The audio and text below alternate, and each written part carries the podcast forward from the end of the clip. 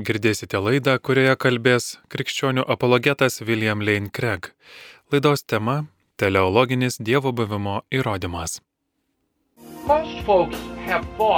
Dauguma žmonių mane, kad argumentą dėl tikslingo sumanimo iš tiesų sunaikino Darvinas ir jo biologinė evoliucijos teorija bei skeptikų, tokių kaip Davidas Humas kritika. Tačiau pastaraisiais metais šis argumentas vėl sugrįžo į pirmą planą, nes buvo atrasta, kad pradinės visato sąlygos, buvusios nuo didžiojo sprogimo, turėjo būti suderintos iki nesuvokiamo tikslumo, kad būtų galima evoliucionuoti ir atsirasti tokiai protingai gyvybei kaip Homo sapiens. Permit uh, life like Homo sapiens, like ours. Uh, Tiesą sakant, tam protinga gyvybė savo gebėjimais prilykstanti mums galėtų egzistuoti bet kur kitur žinomame kosmose, bet kurioje kitoje visatos vietoje. Reikėjo iš anksto turėti tokį kruopščiai sustiguotą dalyką su šiomis labai tiksliai nustatytomis didžiojo sprogimo sąlygomis. Įvyko tai, kad argumentas iš tikslingo sumanimo tarsi aplenkė Darviną, grįžo į pačią visatos pradžią.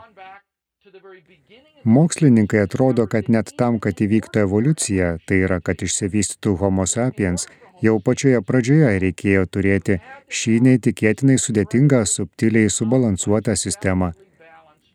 Taigi net ir turint omenyje biologinės evoliucijos faktą, negalima išvengti dieviškojo plano ir tam tikro kosminio intelekto būtinybės.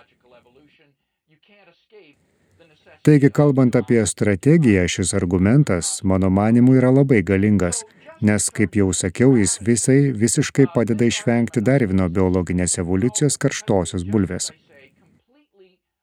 Nereikia susidurti su visų tuo socialiniu ir emociniu bagažu, kuris yra susijęs su bandymais jungtinėse valstijose prieštarauti Skaupso beždžionių bylai, įvesti kreacionizmą į mokyklas ar panašiai. Galite tai visiškai apeiti, grįždami prie visatos tikslaus suderintumo. Ir jei tam, kad viskas prasidėtų, reikalingas sumanytojas, tuomet papildomas tikslingo planavimo poreikis gyvybės, proto ir biologinio sudėtingumo atsiradimui paprasčiausiai prideda sluoksnį po sluoksnio ant pradinio tikslingo sumanimo, kurį rodėte jau pradinėse visato sąlygose. Tai tik parodo, kad norint, jog tai įvyktų vien atsitiktinai, neįtikimybė kaupėsi ant neįtikimybės. Tai tik sustiprins jūsų argumentus. Šiame argumente norime panagrinėti teleologinį argumentą arba argumentą dėl dizaino, tikslingo sumanimo, pagrįsta visatos pritaikymu protingai gyvybei. Šį argumentą galima sutraukti tris labai paprastus žingsnius. Pirmas – visatos pradinių sąlygų subalansavimą. Suderintumą lemia arba gamtos dėsniai, arba atsitiktinumas, arba tikslingas sumanimas. Antra – Tiksli sąranga negali atsirasti dėl gamtos dėsnių ar atsitiktinai. Jūs pašalinate dvi alternatyvas. Todėl visatos tikslų suderintumą lemia tinkslikas sumanimas. Iš esmės jūs čia iškeliate tam tikrą trilemą.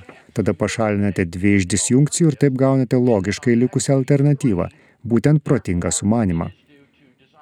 Neketinu daug laiko skirti mokslinį informaciją apie tikslų suderintumą, Veikiau manau, kad kaip filosofas galiu sukurti filosofinę sistemą, kurioje šis suderintumas tampa reikšmingas, pateikdamas jums loginį argumentą, kuris išryškina suderintumo svarbą. Pirmiausia, ką turime galvoje, kalbėdami apie visatos tikslų suderintumą pirmoje prielaidoje. Tai dar nereiškia, kad visata kažkieno suprojektuota, Kai sakoma, kad visata tiksliai suderinta protingai gyvybei, galime pagalvoti, kad jei tiksliai suderinta, tai reikia tiksliai suderinti, sureguliuoti. Taigi jau pačia etikete tiksliai suderinta, jūs įtraukite intelekto egzistavimą. Tačiau mokslininkai žodžius subtilus suderintumas turi omenyje ne tai. Tai nėra klausimo kelimas apibrėžiant, kad tiksliai suderintas reiškia protingai nukreiptas į tam tikrą tikslą. Veikiau norima pasakyti, kad šiandien iš tikrųjų egzistuoja du tikslaus suderintumo apibrėžimai. Noriu atskleisti abiejų apibrėžimų reikšmę.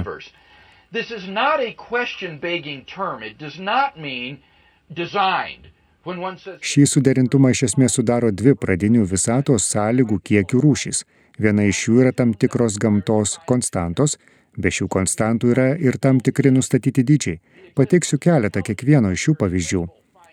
Kalbant apie gamtos konstantas, kai gamtos dėsniai surišreiškiami matematinėmis lygtimis, juose galima rasti tam tikrų konstantų, kurios yra vienodos visur.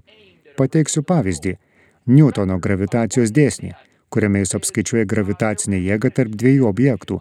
Newtonas sakytų, kad gravitacijos jėga F lygų tam tikra gravitacinė konstanta G, padauginta iš kūnų masių, tarkime, norėdami apskaičiuoti gravitacijos jėgą tarp Žemės ir Menulio, imsite vieno iš šių kūnų, tarkime Žemės masę, ir padauginsite ją iš kito kūno Menulio masės. Taigi turime M1 Žemės masę ir M2 Menulio masę, padalintą iš astumo tarp jų kvadratų, kurį žymėsime R2. Tai ir yra Newtono gravitacijos dėsnio teiginys. Gravitacijos jėga yra gravitacinė konstanta G, padauginta iš vieno objekto masės, padaugintos iš kito objekto masės ir padaryta iš atstumo tarp jų kvadrato. Akivaizdu, kad šios masės gali skirtis. Galbūt galvojate apie asteroidą ir Žemę, arba galvojate apie Saulę ir Jupiterį ir panašiai. Jų atstumai gali skirtis, tačiau ši G gravitacinė konstanta išlieka pastovi. Būtent apie tai kalbama, kai kalbame apie gamtos konstantas, šiuos tam tikrus veiksnius, kurie gamtos dėsniuose pateikiami matematinė forma ir yra nekintami. Šios konstantos įdomios tuo, kad jos nepriklauso nuo gamtos dėsnių. Gamtos dėsniai nenustato, kokia yra G reikšmė. G galėtų turėti bet kurią iš daugelio reikšmių. Ji gali turėti bet kurią iš jų verčių ir dėsnis vis tiek galios. Vis dar galiotų dėsnis, kad jėga F yra lygi tos konstantos bei kūnų masių sandaugai padalinta iš atstumo tarp jų kvadrato. Taigi gamtos dėsniai nelėmė šių konstantų reikšmių, tai labai svarbu suprasti. Nėra jokios gamtinės būtinybės ar dėsnio, kuris nulemtų, kodėl šios konstantos turi tokias reikšmes, kokias turi. Tai yra pirmoji dydžių rušis, apie kurią kalbame – šios konstantos gamtoje. Antrasis dydis, apie kurį kalbame, yra šie nustatyti dydžiai. Jūs čia galvojate apie F, ši jėga skirsis priklausomai nuo to, kaip užpildysite šios lygties reikšmes. Tačiau noriu pasakyti, kad ši G turi tą pačią reikšmę nesvarbu, ar masės yra akmuo, ar Mėnulis, ar Saulė, ar Jupiteris, ar Saturnas ir Uranas. Ir nesvarbu, kaip arti ar toli viena nuo kitos, visi šie dalykai skiriasi. Tačiau G išliks toks pat, kai išsiaiškinsite, kokia yra trauka, kurią jaučiame. Gamtos dėsniai nenustato, kokios yra šios konstantos. Jos tiesiog tarsi yra. Taip jau yra pasaulyje, jis turi šias konstantas.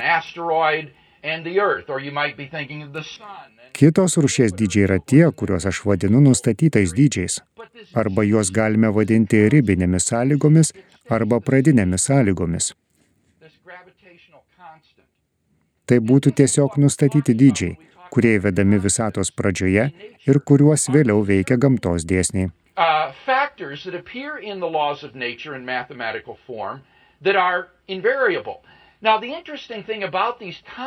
uh, Pavyzdžiui, prisiminkite, kai praeitą kartą kalbėjome apie entropijos kiekį visatoje. Sakėme, kad pagal antrąjį termodinamikos dėsnį entropija visada didėja, nes energija sklinda ir visata pasiekia pusiausvyrą. Tai reiškia, kad visatos pradžioje, kai pradinė sąlyga buvo įvestas, koks nustatytas mažas entropijos kiekis. Nėra jokio gamtos dėsnio ir tai nėra gamtos konstanta. Tai tiesiog tam tikras nustatytas dydis, kuris įvedamas sukūrimo metu, o tada gamtos dėsniai, pavyzdžiui, antrasis termodinamikos dėsnis, veikia šį dydį. Kitas pavyzdys būtų materijos ir antimaterijos santykis ankstyvoje visatoje, koks jų kiekis buvo įdėtas. Taigi turite gamtos konstantas, o paskui nustatytus dydžius, ribinės ar pradinės sąlygas, kurios tiesiog nustatytai terpiamos, o gamtos dėsniai veikia jas. Per pastaruosius 30 ar 40 metų Mokslininkai buvo apstulbinti, kai atrado, jog šios konstantos ir dydžiai turi būti sureguliuoti nesuvokiamų tikslumu, kad visatoje galėtų vystytis ir egzistuoti protinga gyvybė. Kadaise mokslininkai mane, jog kad ir kokios būtų pradinės visatos sąlygos, galiausiai turint pakankamai laiko, gali išsivystyti tokia protinga gyvybė kaip mūsų. Tačiau dabar žinome, kad tai netiesa. Iš tikrųjų, mūsų egzistencija balansuoja ant nesuvokiamo smulkumo ir tikslumo skustuvo ašmenų breunos. Jei šios konstantos ar dydžiai nebūtų tiksliai pritaikyti mūsų egzistencijai, tada visata būtų nepritaikyta gyvybei. Tai būtų gyvybę naikinanti, o ne jai leidžianti atsirasti visata. Jei tam tikri dalykai, pavyzdžiui, gravitacijos jėga, būtų tik šiek tiek pakitę arba jei visatoje būtų kitoks materijos ir antimaterijos santykis, tada visada net neegzistuotų. Daugeliu atveju net nebūtų materijos, nebūtų net cheminių elementų. Taigi mūsų egzistencija priklauso nuo šios tiksliai suderintos, sudėtingos konstantų ir dydžių aibės, kuri buvo duota per didįjį sprogimą.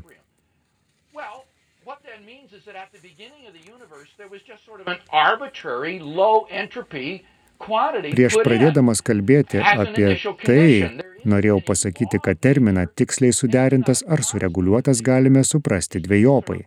Kai sakome, kad šios konstantos ir dydžiai yra tiksliai sureguliuoti, yra du skirtingi būdai, kaip tai galima suprasti. Paprastai žmonės turi omenyje, kad jei dydis ar konstanta būtų tik truputį pakeista į vieną ar kitą pusę, tarkime, kad jos būtų šiek tiek daugiau ar šiek tiek mažiau, tai pažeistų gyvenimą leidžiančią pusiausvyrą ir gyvenimas taptų neįmanomas. Pateiksiu keletą pavyzdžių. Britų fizikas Polas Deivisas apskaičiavo, kad pakeitus gravitacijos jėgą arba silpnąją jėgą esančią atomo brandolyje, tik viena dalimi iš dešimties šimto visata taptų neleidžianti atsirasti gyvybei. Kad įsivaizduotumėte, kokie yra šie skaičiai, jei turėtumėte kažką, kas yra viena galimybė iš 10-60, o tai yra neįsivaizduojamai mažiau nei 10-100, tai būtų tas pats, kas iššauti atsitiktinę strėlę per visatą už 20 milijardų šviesmečių ir pataikyti į vieno colio skersmens taikinį. Būtent apie tai kalbame, kai sakome, kad šios konstantos ir dydžiai yra tiksliai pritaikyti mūsų egzistencijai. Įsivaizduokite atsitiktinę strėlę, mestą už 20 milijardų šviesmečių per visatą, kuri turi pataikyti į vieno colio skersmens taikinį, kad visata būtų tinkama gyvybei. Tikimybė būtų viena iš 10-60, bet iš tikrųjų yra vienas iš 10 šimtųjų. Ir tai tik vienas dydis – gravitacija arba silpnoji jėga. Yra daugybė konstantų ir dydžių, kurie visi turi būti tiksliai sureguliuoti tokiu būdu, kitaip visata nebūtų tinkama gyvybei. Tačiau yra dar vienas būdas, kurio galime suprasti šį suderintumą.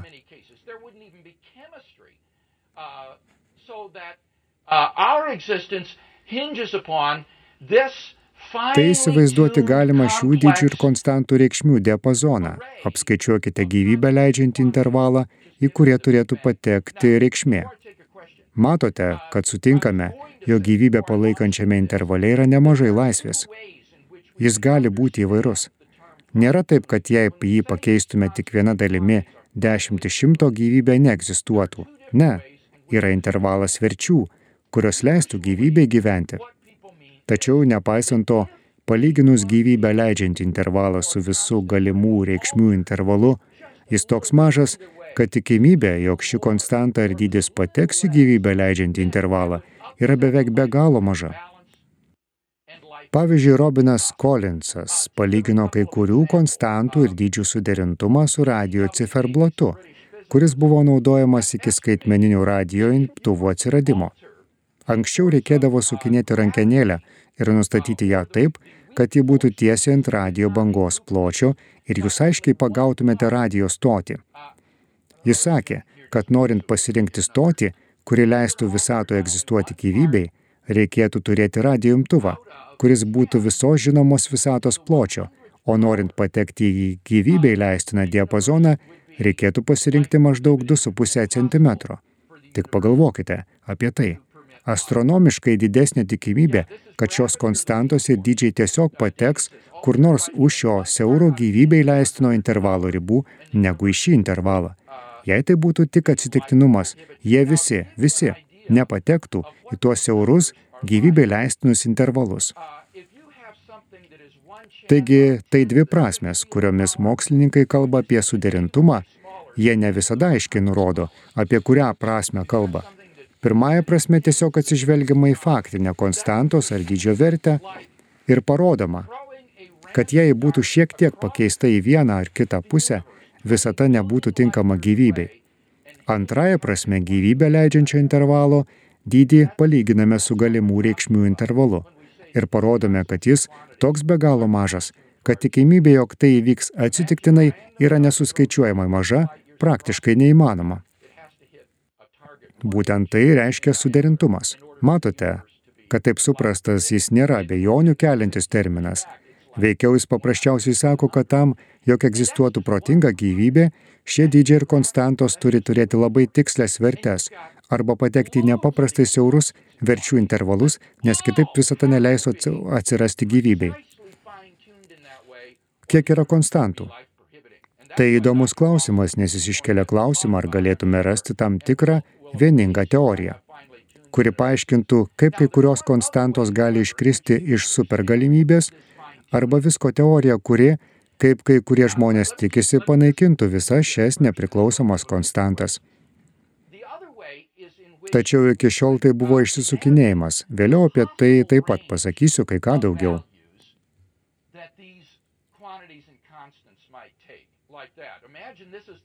Klausimas apie multivisatą. Jūs mastote gerokai anksčiau už mus. Jūs esate gerokai priekyje. Būtent čia šiandien vyksta diskusijos tikrai. Ši idėja apie daugybės visatų hipotezę arba tai, ką aš vadinu pasaulio ansambliu. Mes ketiname prie to prieiti. Tai yra pagrindinis būdas, kurio protingojo sumanimo priešininkai bando išvengti dieviškojo kosmoso kurėjo būtinybės, iškeldami nematomų, neaptinkamų paralelinių visatų pasaulio ansamblį. Pamatysime, kaip jie bando išvengti tikslingo sumanimo, laikykitės to, mes prie to prieisime. Dėl pirmojo klausimo, tikslus suderinimas reikštų tik protingos gyvybės egzistavimą apskritai bet kuriuo metu kosmose. Galiausiai, kaip nurodėte, jei Kristus negrįžtų, visa gyvybė vis tiek žūtų visatos karščio mirtyje. Tačiau tam, kad visata leistų vystytis ir atsirasti protingai gyvybei bet kurioje planetoje, bet kurioje žinomoje kosmoso vietoje, visa tai bus pagrista pradinių sąlygų buvusių per patį didįjį sprogimą subalansavimo. Ar gamtos konstantos nėra nulemtos pradinių visatos sąlygų? Ne, aš to nesakiau, jie yra nepriklausomi vienas nuo kito. Konstantos nėra nulemtos nustatytų dydžių, jie yra nepriklausomi vienas nuo kito.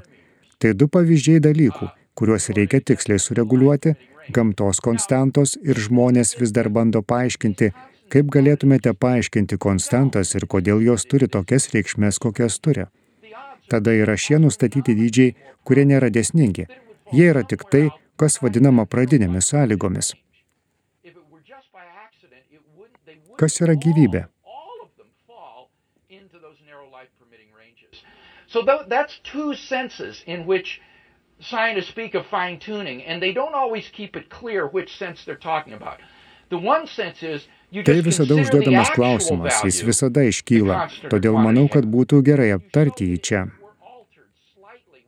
Biologai gyvybę vadina organizmo gebėjimą išgauti energiją iš aplinkos, ją apdoroti, kad galėtų daugintis ir gimtyti palikuonės. Iš esmės tai ir yra tai, ką jūs turite omenyje sakydami gyvybė. Čia daroma prielaida, kad jei šios konstantos ir dydžiai nebūtų tiksliai sureguliuoti, Niekur visatoje to nebūtų. Tai visiškai atitinka įsivaizduojamas gyvybės formas, kurios labai skiriasi nuo to, ką matome ir girdime Žemėje. Galbūt drebučių pavydalo rutaliukus, ateivių būtybės ir panašius dalykus, tai visiškai su tuo sutampa. Tačiau tam, kad egzistuotų, tokiam bendram gyvybės apibrėžimui reikalingas toks tikslus konstantų ir dydžių suderinimas. Kas nors gali pasakyti, o kaip dėl visatos, kurią valdo visai kiti gamtos dėsniai, ne šie gamtos dėsniai. Tuomet galbūt galėtų egzistuoti gyvybė, kurią nereikėtų tiksliai sureguliuoti konstantų ir dydžių. Mums nereikia dėl to ginčytis. Galima pasakyti, taip tai įmanoma, jei norite galvoti apie visatas, kuriuose galioja visiškai kitokie gamtos dėsniai, bet jos nėra svarbios šiam ginčiui, nes kalbame tik apie visatas, kurias valdo mūsų gamtos dėsniai. Pateiksiu pavyzdį, kaip tai veikia. might fall out from a, a super Kembridžo universiteto fizikos profesorius Jonas Barrow sako, kad galime susidaryti vaizdą apie suderintumą atlikdami tokį eksperimentą. Paimkime didelį tuščią popieriaus lapą ir uždėkime ant jo raudoną tašką. Tas raudonas taškas simbolizuoja mūsų visatą. Dabar jis sako, pakeiskime kai kurias iš šių konstantų į dydžių šiais daliniais dydžiais. Taip gausime naują visatą. Jei ta visata leidžia gyvybė atsirasti, pažymėkite ją raudonu tašku, o jei neleidžia, pažymėkite ją mėlynu tašku. Tada tai kartokite dar kartą ir dar kartą, kol jūsų lentoje atsiras visi taškai. Kai baigsite, pamatysite, kad turite mėlyną jūrą ir tik keletą raudonų taškelių šiandien ar ten. Taigi bet kuri visata esanti šiame lape ir atsiradusi atsitiktinai būtų daug labiau tikėtina, kad tai bus mėlyna, o ne raudona visata.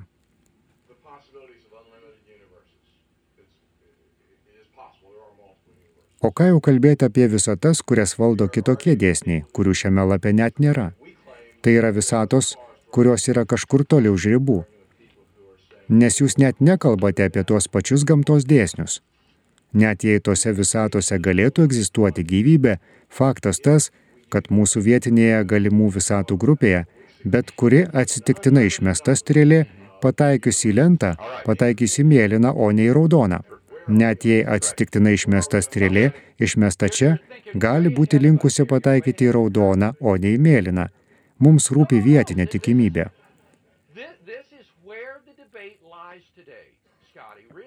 This idea of the multiple universe hypothesis, or what I call a world ensemble. Džonas Leslis, filosofas, kuris daugiausiai nagrinėjo šios klausimus, pateikia tokią iliustraciją, kuri tai labai aiškiai parodo. Jis sako, įsivaizduokite musę, nutūpusią ant didelio tuščio sienos ploto ir atsitiktinai paleista kulka. Kulka tiksliai pataiko į musę ir ją perskrodžia. Jis sako, kad net jei už didelio tuščio ploto sienos ribų būtų pilna musių ir atsitiktinai paleista kulka greičiausiai pataikytų į vieną iš jų, vis tiek darytumėte išvadą, kad kulka, kuri iš tikrųjų pataiko į musę, yra taikli, o ne atsitiktinai paleista. Nes jei būtų atsitiktinai paleista, tame dideliame tuščiame plote didesnė tikimybė, kad pataikytų tuščią vietą, o ne į tą vienintelę vietą, kurią užima musė.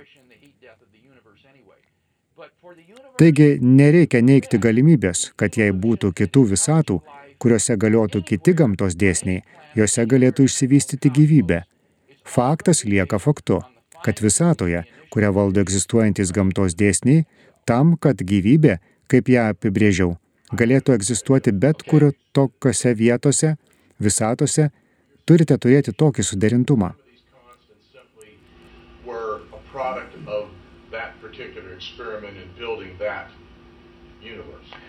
Well, if you put it that way, yeah, that, that we, we, we have... Uh, Pagalvokite apie čia esančią mūsų lentą. Jie atspindi bet kurią visatą, kurią valdo tokie patys dėsniai, kokie valdo mūsų visatą. Taigi tai yra skirtingos visatos, nes mes keičiame šias konstantas ir keičiame šios dydžius, kai tai darome. Taigi galime kalbėti apie skirtingas visatas, tačiau jas visas turi valdyti tie patys dėsniai – Tai konstantų ir dydžių variacijos gamtos dėsnių parametrų ribose, tai viskas, į ką reiškia, į ką reikia atsižvelgti argumentuojant. Nereikia spekuliuoti apie prielaidą, kad egzistuoja skirtingi gamtos dėsniai, tai tiesiog neįeina į šį klausimą. Jūs iš tikrųjų esate teisus, vartoju terminą skustuvo ašmenys, nes yra toks posakis, bet skustuvo ašmenys dar būtų didelė plokščia plokštuma palyginti su tikslaus suderintumo siaurumu, apie kurį čia kalbame. Tai tikrai nesuvokiama. Jūs iš tikrųjų negalite to suprasti, tai yra taip smulkiai suderinta. Kai kurie vis dar norės neikti tikslaus suderintumo faktą. Jie sakys, kad tai, ką jūs pasakėte, iš tikrųjų nėra teisinga. Tai iš tikrųjų nėra tiksliai sureguliuota. Tačiau šie balsai, manau, dabar tampa gana mažumos balsais, nes mes turime labai tvirtų įrodymų, patvirtinančių, kad suderintumas yra tikslus. Tai būtent tai aš ir sakau, manau, kad tai yra gana tvirtai įrodyti suderintumo atvejai. Pavyzdžiui, jei padidintumėte gravitaciją, tada visata vėl susitrauktų į milijardų ir trilijonų laipsnių karščių ugnies kamolį ir joje nebūtų įmanoma jokia gyvybė. Arba jei gravitacija būtų per maža, visata tiesiog amžinai plėstųsi ir niekada nesusijungtų į galaktikas ir žvaigždės, todėl niekada nebūtų vietos gyvybė egzistuoti. Taigi tai yra moksliškai rodomi tikslaus suderintumo pavyzdžiai. Todėl ir sakau, kad tie, kurie nori paneigti suderintumą, tampa, manau, mažumos atstovais, nes atrodo, kad suderintumo pavyzdžiai yra labai tvirtai rodyti ir tikriausiai nesiuošia išnykti. Ar darysite išvadą, kad egzistuoja tik viena visata, kad daugybė visatų prieštarauja Dievo sumanimui? Jūs ir vėl perlenkėte lasdą, mes apie tai dar pakalbėsime. Neskubėkime to daryti, nes tai tarsi vainikuojantis klausimas. Jei apie tai kalbėtume dabar, visa kita atrodytų antiklimatiška. Pažadu, kad prie daugybės pasaulio hipotezės dar prieisime.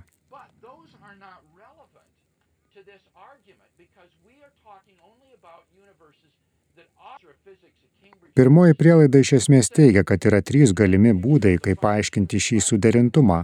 Taip grįžtame prie ankstesnio klausimo. Pripažinus, kad atrodo, jog šios protingai gyvybei būtinos sąlygos yra nepaprastai siauros ir jautrios, iš esmės lieka trys galimi paaiškinimai – dėsnis tai yra būtinybė, atsitiktinumas arba protingas sumanimas. Pirmoji alternatyva būtų teikti, kad egzistuoja koks dar nežinomas gamtos dėsnis, kuris lemia konstantų reikšmes. Galbūt egzistuoja visko teorija, kuri parodytų, kad konstantos turėjo turėti tokias reikšmes, kokias turi, arba bent jau labai artimas joms. Taigi tai tikrai nėra neapibrieštas skaičius ar atsitiktinumas. Tai yra būtina. Jis sako, kad egzistuoja tam tikra fizikinė būtinybė, dėl kurios konstantos ir dydžiai turi tokias reikšmės, kokias turi. Tai būtų pirmoji alternatyva. Antroji alternatyva būtų atsitiktinumo hipotezė. Tai tik nepaprastai laimingas atsitiktinumas, o mes esame tik laimingi šio nepaprasto neįtikimumo naudos gavėjai.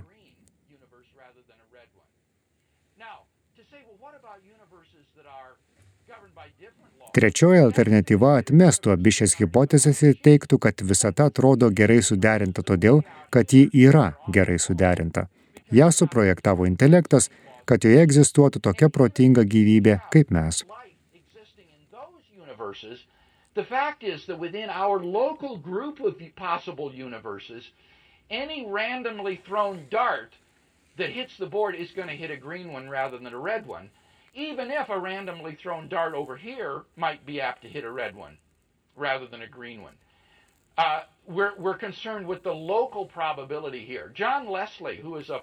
Manau, kad protingojo sumanimo teoretikai yra labai atviri idėjai, kad projektuotojas galėjo sukurti kitas planetas, kuriuose būtų gyvybė, galbūt panašaus ar didesnio intelekto nei mes patys. Tai nieko nesako apie tai, ar kitose planetose yra gyvybės. Tai galbūt būtų labiau susijęs su biologinės evoliucijos teorijomis. Kiek tikėtina, kad esant tokioms pradinėms sąlygoms išsivystys gyvybė? Manau, kad jei įsitrauktume į šią diskusiją, paaiškėtų, kad net ir esant tokioms tiksliai suderintoms konstantoms ir dydžiams, tikimybė, kad išsivystys toks biologinis sudėtingumas, kokį mes matome šioje planetoje, yra nepaprastai maža. Bet tai būtų tiesiog argumento sustiprinimas, pridedant dar daugiau neįtikimumo. Manau, kad tokiu atveju jums reikėtų įrodyti, kad sąlygos, kuriamis planetoje gali atsirasti gyvybė, yra nepaprastai neįtikėtinos. Tada jei tai įvyktų kelis kartus, neįtikimumas dar labiau padidėtų. Bet aš čia kalbu ne apie šios planetos egzistavimo neįtikimumą. Tai visai kitas argumentas dėl suderintumo. Atkreipkite dėmesį, kad Jūrosas, kalbėdamas apie kosmologinio suderintumo pavyzdžius, kalba ir apie tai, ką galėtume pavadinti žemiškuoju suderintumu - apie Žemės atmosferą, Žemės atstumą nuo savo žvaigždės, Žemės masę, vieno menulio buvimą. Visi šie dalykai taip pat prisideda prie to, kad Žemė yra neįtikėtinai gerai sureguliuota. Tačiau aš nuo viso to abstrahuojuosi. Tai tik sustiprintų mano argumentą, jei sudėtumėte visą tą neįtikimybę. Bet mes apsiribojame, bent jau šiandien, tik šiuo kosmologiniu suderintumu. Girdėjote laidą, kurioje kalbėjo krikščionių apologetas William Lane Craig. Laidos tema - teleologinis Dievo buvimo įrodymas.